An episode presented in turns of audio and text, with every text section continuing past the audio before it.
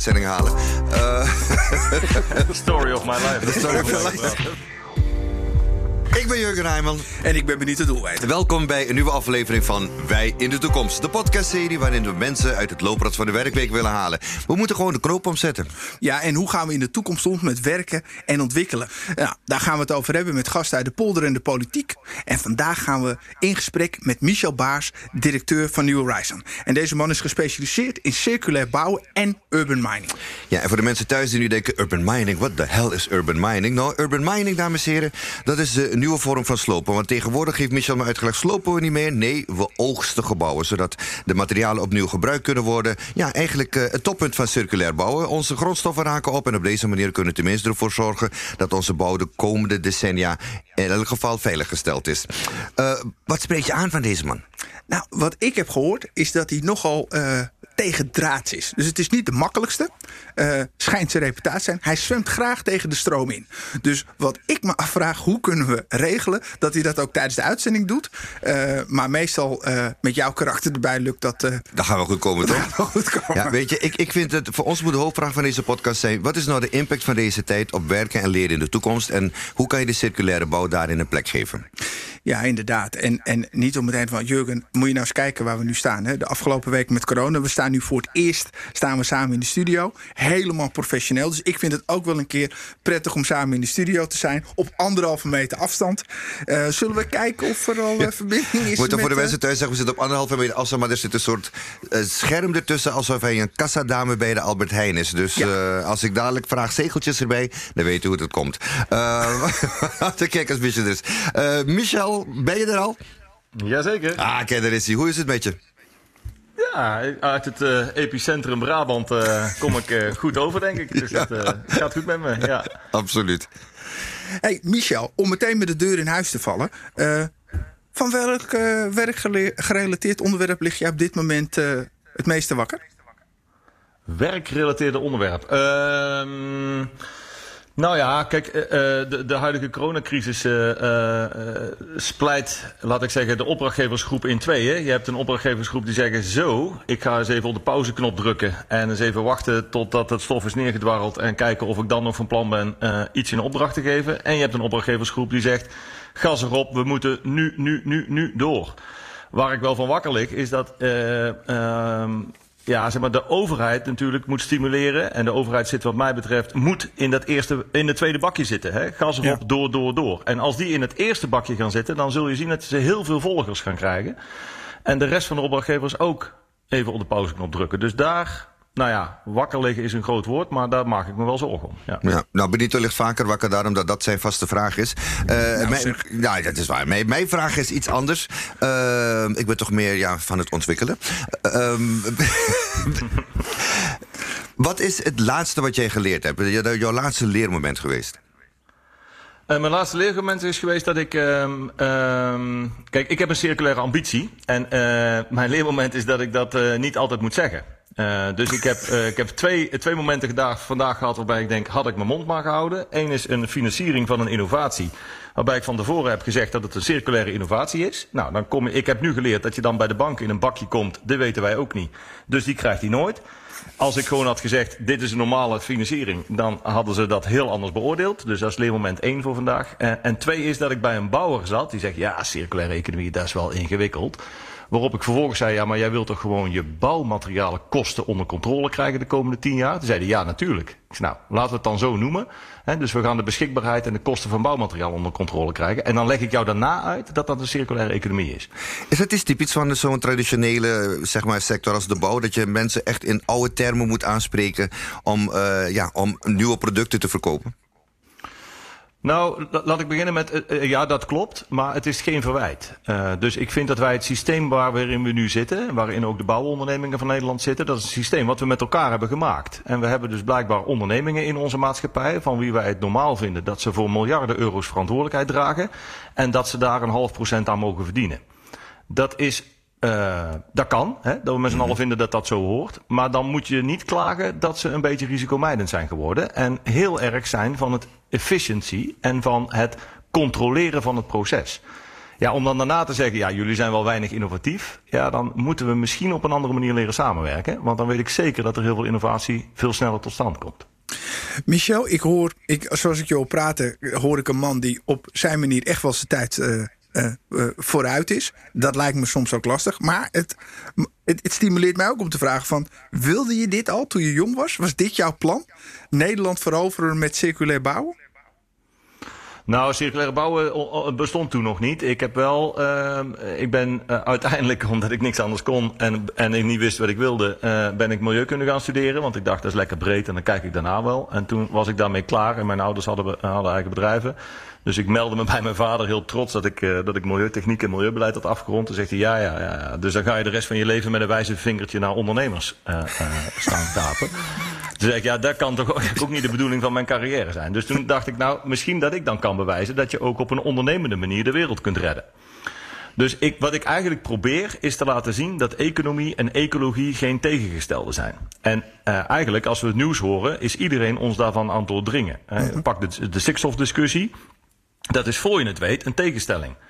Terwijl, ja, ik denk dat echt in ondernemerschap en innovaties er juist toe leidt dat je die, dat je die ecologische uh, uh, kant van onze maatschappij juist kunt verbeteren. En dat is mijn echte drive. Ik wil laten zien dat die twee niet tegengesteld zijn, maar juist in elkaars verlengde. Ik, ik, ik merk voor jou dat, dat voor jou circulaire economie echt de toekomst. Wanneer raakt je daarvan overtuigd dat dit de juiste weg is? Ja, eigenlijk op twee manieren. Hè. De, de, de, uh, natuurlijk is het, uh, beginnen veel initiatieven bij frustratie. Uh, en ik denk dat we allemaal geboren worden met een zekere vorm van hekel aan verspilling. Nou, als je kijkt wat er in de, in de bouw- en vastgoedwereld op dit moment in bakken wordt geprakt bij de ontmanteling van gebouwen. En je staat daar dan af en toe eens naar te kijken en denk ja, dit kan toch niet waar zijn. Dus dat, dat, dat, is een soort van waardevernietiging die, die zijn weerga niet kent. Dus dan ontstaat er een frustratie waarbij je denkt, ja, dit ga ik anders doen. En dus eigenlijk de wens om verspilling te voorkomen. Later leer je dan dat, een, dat circulaire economie dus inderdaad een nieuw economisch model is. En dat daar heel veel waarden in zitten, behalve geld, die voor onze toekomst cruciaal zijn. Hè, die een veel, uh, veel betere balans gaan geven tussen um, ja, zeg maar, uh, wat we met elkaar als maatschappij, sociaal-maatschappelijk en ecologisch aan kunnen. En, en die waarden definiëren, ja, daar, daar, daar ben ik wel door gegrepen. Door te laten zien dat het dus niet alleen winst is. Kan je, kan je een voorbeeld geven daarvan? Een concreet voorbeeld, zodat we het snappen. Nou ja, ik, ik ben een New Horizon 4,5 jaar geleden begonnen. Eigenlijk met dit als uh, belangrijkste uh, speerpunt. Namelijk, ik ga besluiten nemen die alleen nog maar op impact gaan. Over impact gaan. Dus niet over geld, maar over impact. Dus ik wil maximale impact maken. Het resultaat is dat ik na 4,5 jaar, nou, impact heb gemaakt, maar ook gewoon een financieel gezond bedrijf heb. Dus ik wil eigenlijk laten zien dat als je als bestuurder of als ondernemer besluiten neemt die niet alleen over geld gaan, maar juist ook over het effect wat je kunt sorteren voor de maatschappij, dat je dan uiteindelijk een veel duurzamer uh, uh, winstgevend bedrijf overhoudt.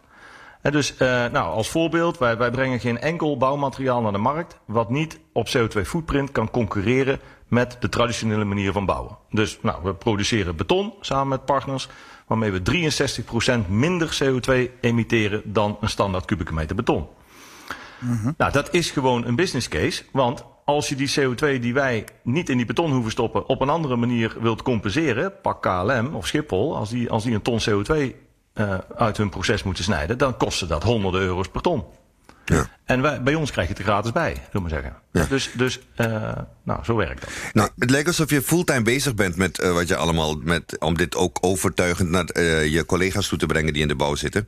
Maar hoeveel tijd besteed aan werken? Hoeveel tijd besteed aan je gezin, vraag ik me af. Nou, toen ik mijn vorige bedrijf verkocht, heb ik mijn vrouw beloofd. Uh, ik heb er één beloofd dat ik ging werken, want dat was beter voor ons huwelijk. En, uh, en vervolgens heb ik beloofd dat ik, uh, dat ik drieënhalve dag in de week niet thuis zou zijn als gevolg van werk. Ehm, dus ik, ehm, ja, ik heb wel een iets andere balans dan de baan die ik hiervoor had. Maar ehm, ja, ik denk dat ik, dat ik in de week zo'n 50 uur werk. 50 rest, uur?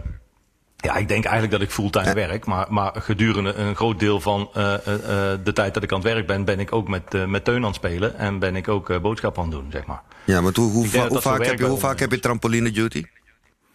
Ja, nou, de laatste tijd erg vaak als gevolg van corona. En ja, de anekdote is ook van vorige week dat ik hijgend en zwetend achter mijn computer zit om een teamsoverleg te doen, een grote onderhandeling met een klant. En die man die zegt echt letterlijk van ja, ben je nou, ben jij nou zo nerveus dat je zit te zweten?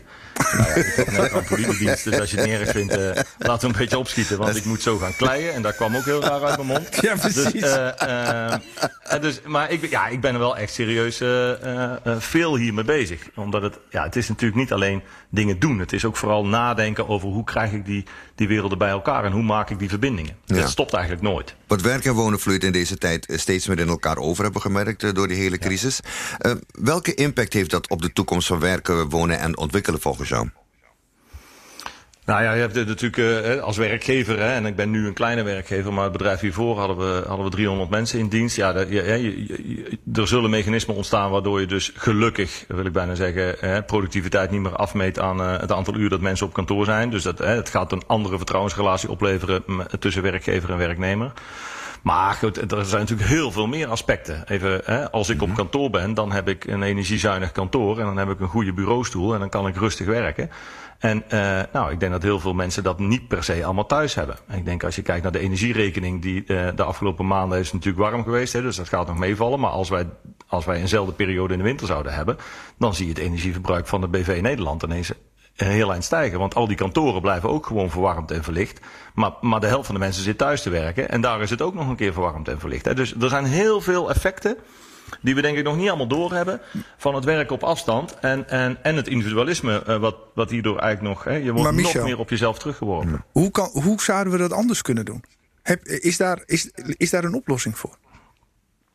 Nou ja, veel van de transities, hè, en dat is ook van een lineaire economie naar een circulaire economie, maar dat is denk ik ook in deze transitie, gaat altijd door een hybride fase. En ik denk dat we, dat we nu een hybride fase gaan krijgen, hè, waarbij je een stukje van de ervaring die we nu hebben opgedaan, die positief is voor een deel ook. Hè. Laten we digitaal blijven vergaderen. Laten we inderdaad zorgen dat we een deel van onze tijd gewoon thuis aan het werk zijn. En we al dat woon-werkverkeer niet hebben. En, en, uh, en er meer rust en balans in die, uh, in die werkweek komt.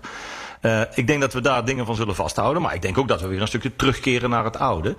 Ik denk dat uiteindelijk de oplossing gaat zijn uh, dat we uh, veel dichter bij huis kantoor gaan houden op een veel kleinschaliger manier. Ja. Dus dat we eigenlijk een beetje wat je in de zorg zeg maar tien jaar geleden al zag. Hè, dat we niet meer mensen die hulpbehoevend zijn bij elkaar aan de rand van het bos in een heel groot pand gaan wegzetten. Zeggen we, nou, daar zitten ze prima.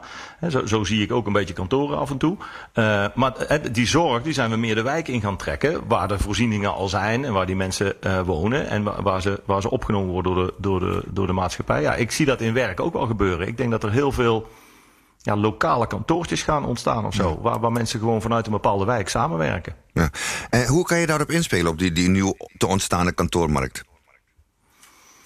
Ja, ik doe nu zelf ervaring op met uh, wat data-analyse voor je kan betekenen. He, wij, hebben, wij hebben onze data laten structureren over de afgelopen 4,5 jaar. En we kunnen dus nu met een druk op de knop complete portefeuilles, he, de urban mining potentie bepalen. Dus ik, ik ben echt verwonderd wat die, wat die jongetjes op Gimpen met hun petje schuin op hun hoofd uh, zeg maar kunnen ja. uh, met die data.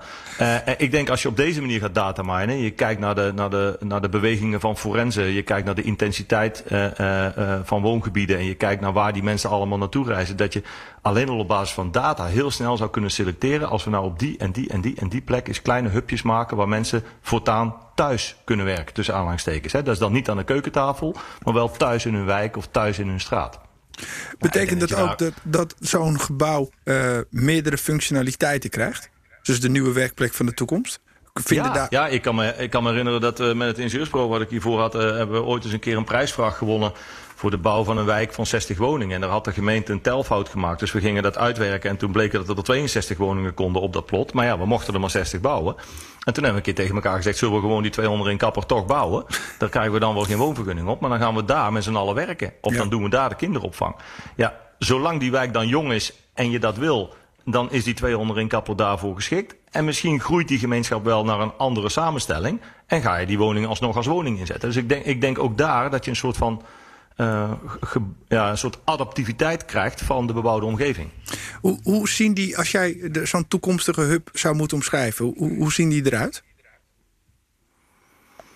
Ja, ik ben, geen, ik ben geen designer en geen architect. Ik kan alleen maar. Uh, ah, kom op, Michel. Je, je, je, je, moeilijk kan het niet zijn. Je bent een visionair. Je bent een visionair. Je had een architectenbureau, dus we geloven er niets van. Je, nee. komt, je, komt, je, komt, je komt aangereden. Wat zie je? Nee, je voelt. Je voelt, wat Eh, voel je? Goed, nog beter. Ja, ja ik, ik, ik voel eh, zeg maar, eh, dat, je, dat je niet alleen daar aan het werk bent. Hè? Dus dat je, dat, dat, het, dat je een bepaald contact hebt met mensen, want dat ga je missen. Dat, tenminste, ik mis dat heel erg de afgelopen eh, zeven weken. En dat wil je in ieder geval oplossen. Dat hoeven niet per se je collega's te zijn, maar in ieder geval mensen hè, gelijkgestemd die op dezelfde manier professioneel aan het werk zijn. Ik zie dan ook vooral heel veel interactie ontstaan. Hè? Interactie die je normaal niet hebt, want je komt waarschijnlijk te werken naast iemand die iets totaal anders doet, maar toevallig uit dezelfde wijk komt en ook een werkplek zoekt. Ehm ja, ik, ik, eh, ik voel vooral een enorme dynamiek en flexibiliteit. Hè? Dus, dus je wilt dat niet van tevoren, drie maanden van tevoren moeten boeken en zeggen: ja, ik ben er tussen kwart over negen en kwart voor tien. Eh, eh, dus dat voel ik. Ja, en ook wel, zeg maar. Ja, een, een- bepaalde vorm van efficiëntie. Hè? Dus, dus, dus het moet natuurlijk een, een, een, eh, ja, laat ik zeggen, een energieopleverend gebouw zijn. Wat, wat, een, wat een meer dan geweldig binnenklimaat heeft. Wat voldoet aan alle well-standards. En eh, eh, wat, zeg maar, waar het een feestje is om te zijn. En vooral gezond is om te zijn. En waar kom je die locaties dan tegen in Nederland? In, in, in, in jouw ideale. Ja, nu kom je ze alleen tegen in, in hele grote kantoren die misschien op die manier ontwikkeld zijn, maar dat zijn er nog niet veel. Ja, ik denk dat je die vooral, eh, eh, ja, ik geloof heel erg in, in het schaalniveau regio. Eh, dus hè, het, het blijkt in de business case vaak zo dat het op wijkniveau organiseren hiervan heel lastig is. En op, op stadniveau, als die groot genoeg is, zeker moet kunnen. Maar regio's zijn wel een behapbaar eh, stukje. Dat zien we ook in ons vak. Eh, dus ja, ik denk dat je hier regiofuncties krijgt. Maar mag ik zeggen, Michel, dat deze coronacrisis die we nu achter de rug hebben... dat het eigenlijk een soort voorzet is geweest, ook eh, om met Kruif te praten... elk nadeel heeft zijn voordeel. Een, een, een soort voorzet is geweest van eh, een andere visie hoe we met werken om moeten gaan. Ja, ik hoop het. Ik, ik weet het niet. Want ik, ik moet je wel eerlijk denken dat ik, ik ben wel angstig. Wij zijn heel erg goed in vergeten. Gewoon. En als wij de dimensie angst niet meer hebben. En die gaat er nu langzaam af. Hè. Het aantal IC-bedden komt terug onder de norm. En het aantal besmettingen neemt af. En die dimensie angst is heel, heel belangrijk geweest in het behouden van discipline. Dat zien we ook in alles. En dan vergeten we ook wel heel snel. Ik, ik, ik zit met verwondering te luisteren naar mensen die nu serieus in discussie zijn over dat ze ook wel toe zijn aan een vlucht naar Griekenland. Dan denk ik, nou, ik, dat, dat die fase inderdaad. heb ik überhaupt nooit gehad in mijn leven. Maar ehm, ja, dat is toch bijna niet bestaanbaar als je, als je vijf weken geleden. Ja, ik kom dan uit Brabant, dus hier is het dan ook wel heel erg geweest. Maar dat is bijna shocking dat je daar nu überhaupt over nadenkt. Dus ik, ja, ik ben wel bang dat we ook weer heel veel gaan verliezen. Wat, waar ik vooral hoop uit put, hè, kijk, ik, wat we wel met elkaar gedaan hebben, is we hebben de afgelopen periode geluisterd, gedisciplineerd geluisterd, naar wat we dan met z'n allen benoemden als de deskundige. En uh, wat ik eigenlijk, nou, waar, waar ik hoop in heb, hè, is we hebben natuurlijk ook klimaatdeskundigen in de wereld. En die hebben we ook al een tijdje, ah, misschien wel net zo lang als virologen. En die klimaatdeskundigen die weten nog veel meer over klimaatcrisis en wat er ons te wachten staat, dan al die virologen nu weten over corona. En, en eh, die virologen, daar luisteren we wel naar.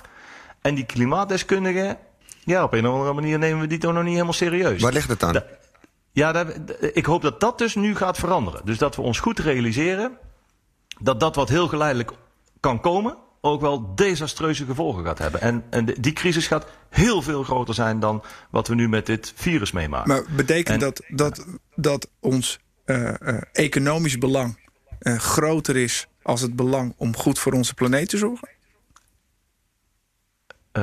Nu zeker, ja zeker, zeker, zeker. Duurzaam is duurder zolang vervuilen niks kost. Hè? Dus, en, en dat is het nu. Dus vervuilen kost gewoon niks. Dus ik moet concurreren met een kubieke meter beton.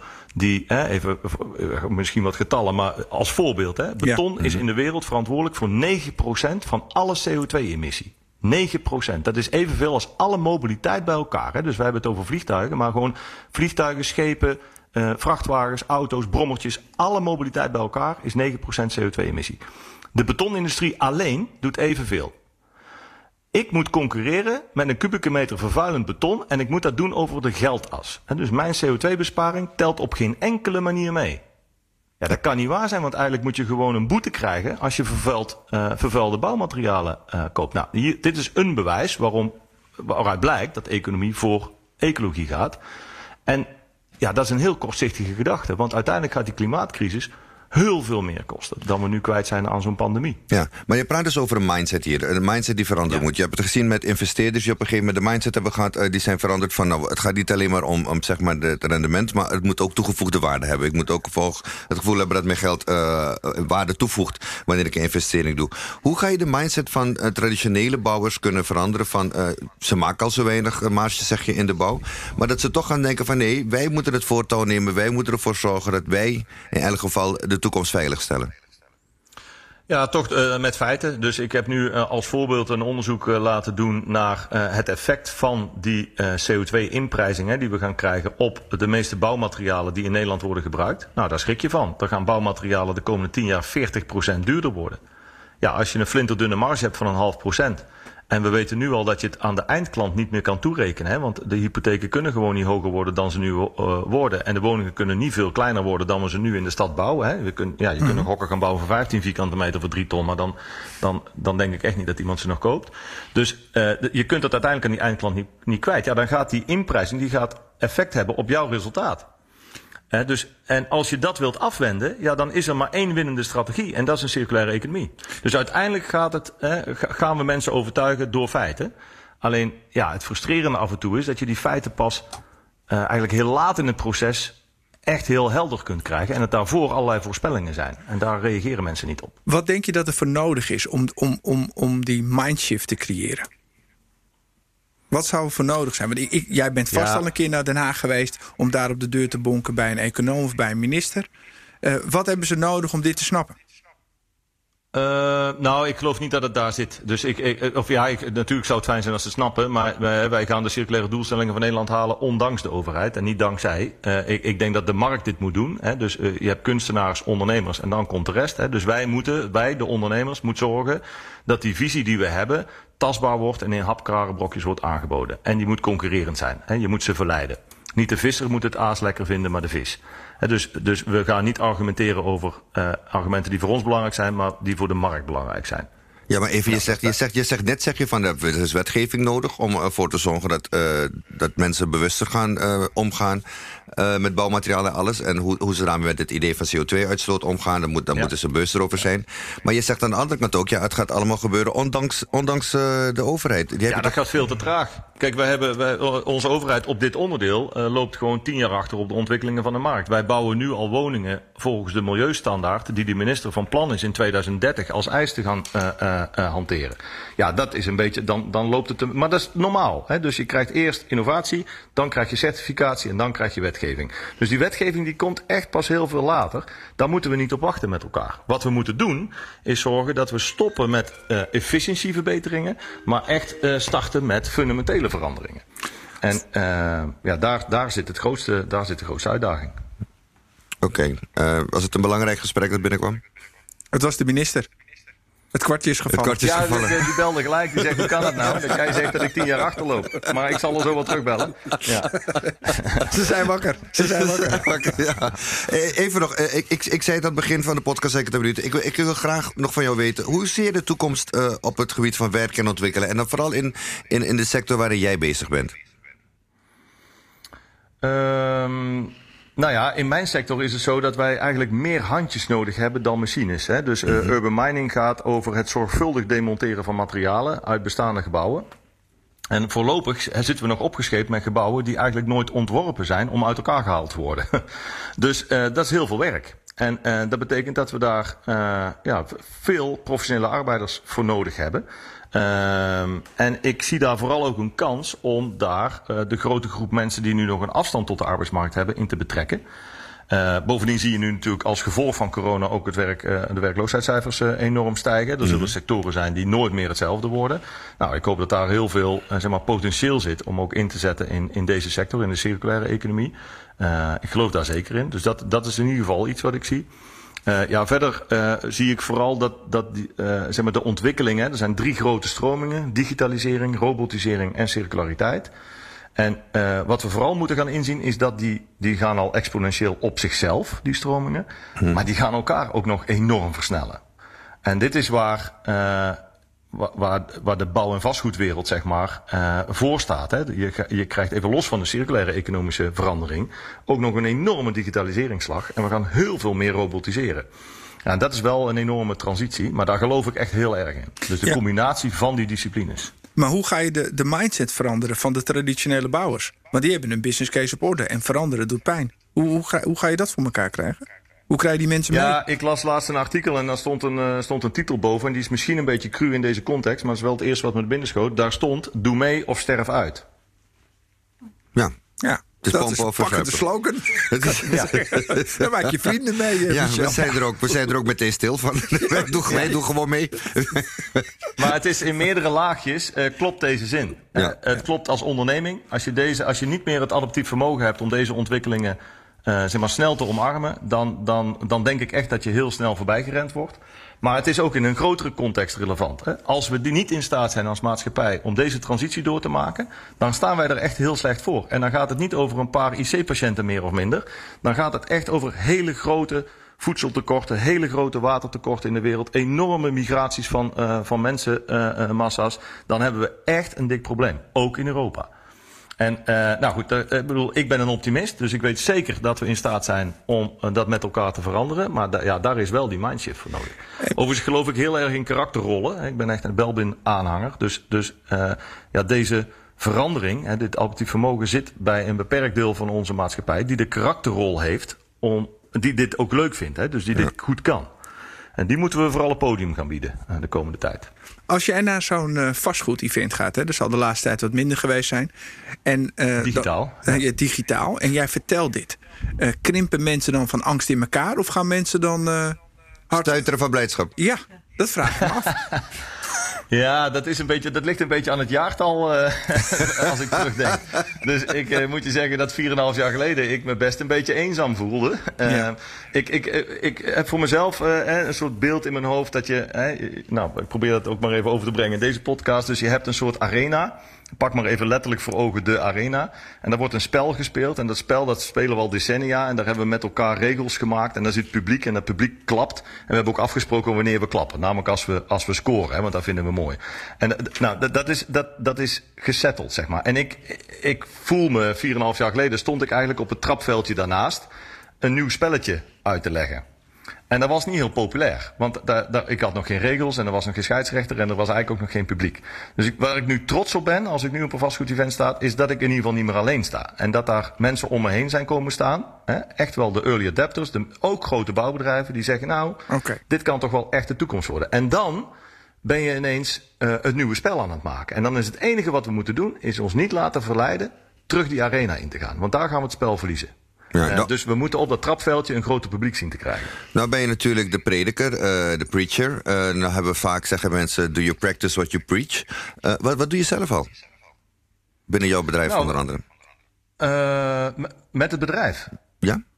Ja, met het, ja, ja, het bedrijf is eigenlijk. Uh, ik heb het relatief makkelijk, zeg ik altijd, want ik ben gewoon circulair begonnen. Hè? Dus ik, ik ben uh, wat we dan maar even noemen native circular. Hè? Dus ik, ik ben vanaf minuut één uh, circulair. Dat is heel veel makkelijker dan dat je een heel groot bedrijf hebt wat lineair is, wat je naar circulair moet brengen. Dus ik, wat dat betreft heb ik het eenvoudig. Ehm, ja, en wij, wat ik zeg, wij sturen dus 100% op impact. Ik zal niets naar de markt brengen wat uh, niet sterk kan concurreren op milieu-impact met de lineaire economie. En ik zal ook niets op de markt brengen wat niet financieel kan concurreren daarmee. He, dus dat is waar wij de grootste impact maken. Ja, dat betekent dat we de afgelopen jaren voor 25 miljoen euro gebouwen hebben ontmanteld. Mm -hmm. Al die materialen hebben gered van, uh, laat ik zeggen, uh, de verbrandingsovens en, en, de, en andere zeg maar downcyclingsmethoden. Ja. Dat we uh, nu een assortiment hebben van 63 producten uh, waarmee we de bouw kunnen voorzien. En ja, na corona, ook nog belangrijk, we kunnen die producten voorzien uit eigen land. Ja. Nou, we kunnen niet eens mondkapjes voorzien uit eigen land. Dus als je nou een bouwmateriaal in eigen land hebben, dan hebben we het goed gedaan. Hebben. Dat vind ik ook. M Michel, denk je dat er een markt is voor bedrijven, traditionele bedrijven, om geholpen te worden uh, uh, die mindshift te doen? Dus stel je neemt een traditionele bouwer, dat die jou bellen en zegt: help ons. Uh, ons bedrijf om te turnen tot uh, uh, nou, circulaire... Laten we, we die vraag anders ja. stellen. Ik vind het goed, het anders stellen. Welke drie praktische tips zou je geven aan een zeg maar traditioneel bouwbedrijf... een originele ondernemer... om vandaag al aan de slag te kunnen gaan met jouw ideeën? Ja, het, zijn er een paar. Dus het, het, is in ieder geval de term doen. Ik heb enorm de kracht ervaren van, van doen. Hè. Dus uh, het voortschrijdend inzicht op doen. Dus niet blijven studeren, gewoon beginnen. We pakken mm. iets beet, we gaan het doen, we doen ervaring op en we gaan bijsturen. Hè. Dus, dus het doen heeft een enorme aantrekkingskracht op dit thema.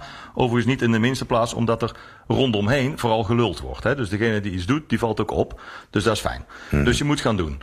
Uh, twee is, ik denk dat ik geloof heel erg in um, het, het binnen je bedrijf um, uh, creëren van wat ik dan maar even celletjes noem. Hè. Dus, dus niet proberen je bestaande structuur met je bestaande overleggen en je bestaande besluitvorming, wat over het algemeen lineair georganiseerd is, te proberen te veranderen naar een circulair model. Nee, laat nou een stukje van je bedrijf gewoon circulair beginnen. En onderwerp die dan niet aan die beslissstructuur zoals je hem had, maar laat die vooral zijn eigen ding doen. En vanuit dat celletje beïnvloed je eigenlijk uh, zeg maar het grote bedrijf wat ernaast staat. Dus, dus start een start-up binnen je eigen bedrijf. Uh, en fund die uh, voldoende, hè, zodat je die start-up fase ook goed doorkomt. En, en kijk of je hem naar scale-up grown-up. En uiteindelijk wordt dat je bedrijf. Hè. Dus dat is, je, je bedenkt gewoon je business case opnieuw. En twee is, laat dat dan vooral doen met mensen die een karakterrol hebben die daarbij hoort. En dat zijn dan niet de mensen die denken in problemen. Dat zijn niet de mensen die denken in structuren. Dat zijn, dat zijn niet de mensen die. Uh, dat zijn mensen die. En voor mij is. we gaan de wereld redden met empathie. Dus het, het gaat om empathisch vermogen om te snappen. wat er aan de andere kant van die tafel moet veranderen. om uh, deze beweging tot stand te brengen. Dat zijn de drie. Ik wil je daarvoor bedanken. Uh, heb je nu weer uh, trampoline duty? Of, uh? nee, ik heb hem schoppen mijn bed in duty. Michel, hartelijk bedankt. Ja, onwijs bedankt. Het was weer fijn om je te spreken. Graag gedaan. Oké, okay, man. Wij spreken bye snel. Bye. Hoi. Tot gauw. Hoi. Hoi. Ja, Jurgen? Yes.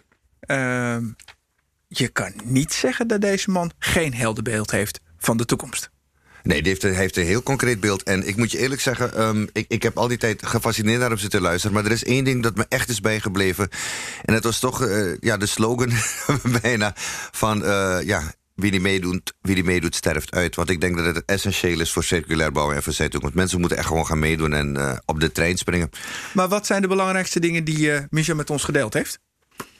Kijken of je goed opgelet heeft. Nou, ik heb natuurlijk heb ik niet goed opgelet. Je kent me toch? Ik, zat, okay. ik, ik, ik, weet gewoon dat ik uitsterf als ik niet meedoe. Oké, okay, op één. Mm -hmm. Ga je gang. nee, ik denk dat het allerbelangrijkste wat hij, wat hij mij geleerd is... dat, dat um, het eigenlijk essentieel is dat we er niet onderuit komen om deze veranderingen teweeg te brengen. Als je ja. kijkt naar wat uh, de uitstoot van beton bijvoorbeeld is. Ik bedoel, ik schrok daarvan. 9% ja. uh, van CO2-uitstoot wordt door beton veroorzaakt. We kunnen dit niet langer volhouden. En uh, wat hij ook zegt, wat ik, wat ik heel mooi vond van hem, is het, het laatste tip die hij gaf van begin met een celletje in je bedrijf om die circulariteit in te voeren. Want daar begint het mee. Je moet, je moet een pionier vinden die zegt van ik neem gewoon een gedeelte van mijn bedrijf en daar begin ik die circulariteit mee aan te vangen. Ja, wat, ik, uh, wat bij mij is blijven hangen, dat, uh, dat Michel op een gegeven moment had over empathie. En uh, dat is iets wat we de afgelopen weken elkaar wel vaker cadeau kunnen doen. Mm -hmm. Dus empathie voor degene die tegenover je zit aan de andere kant van de tafel. Dat betekent luisteren door.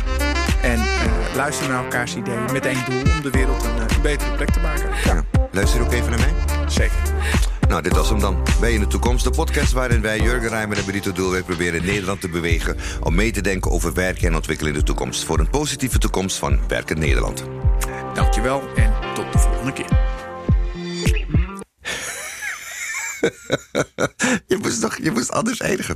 Je oh, moest eindigen wil, met, je meer, wil je meer horen? Wil je meer horen? Ga dan, dan naar www.bnr.nl Wij in de toekomst. Of de BNR-app of je favoriete platform. Ik, het is een tongtwister. Zeg jij hem. Ik word helemaal gek. ik heb een beugel. Je hebt een beugel.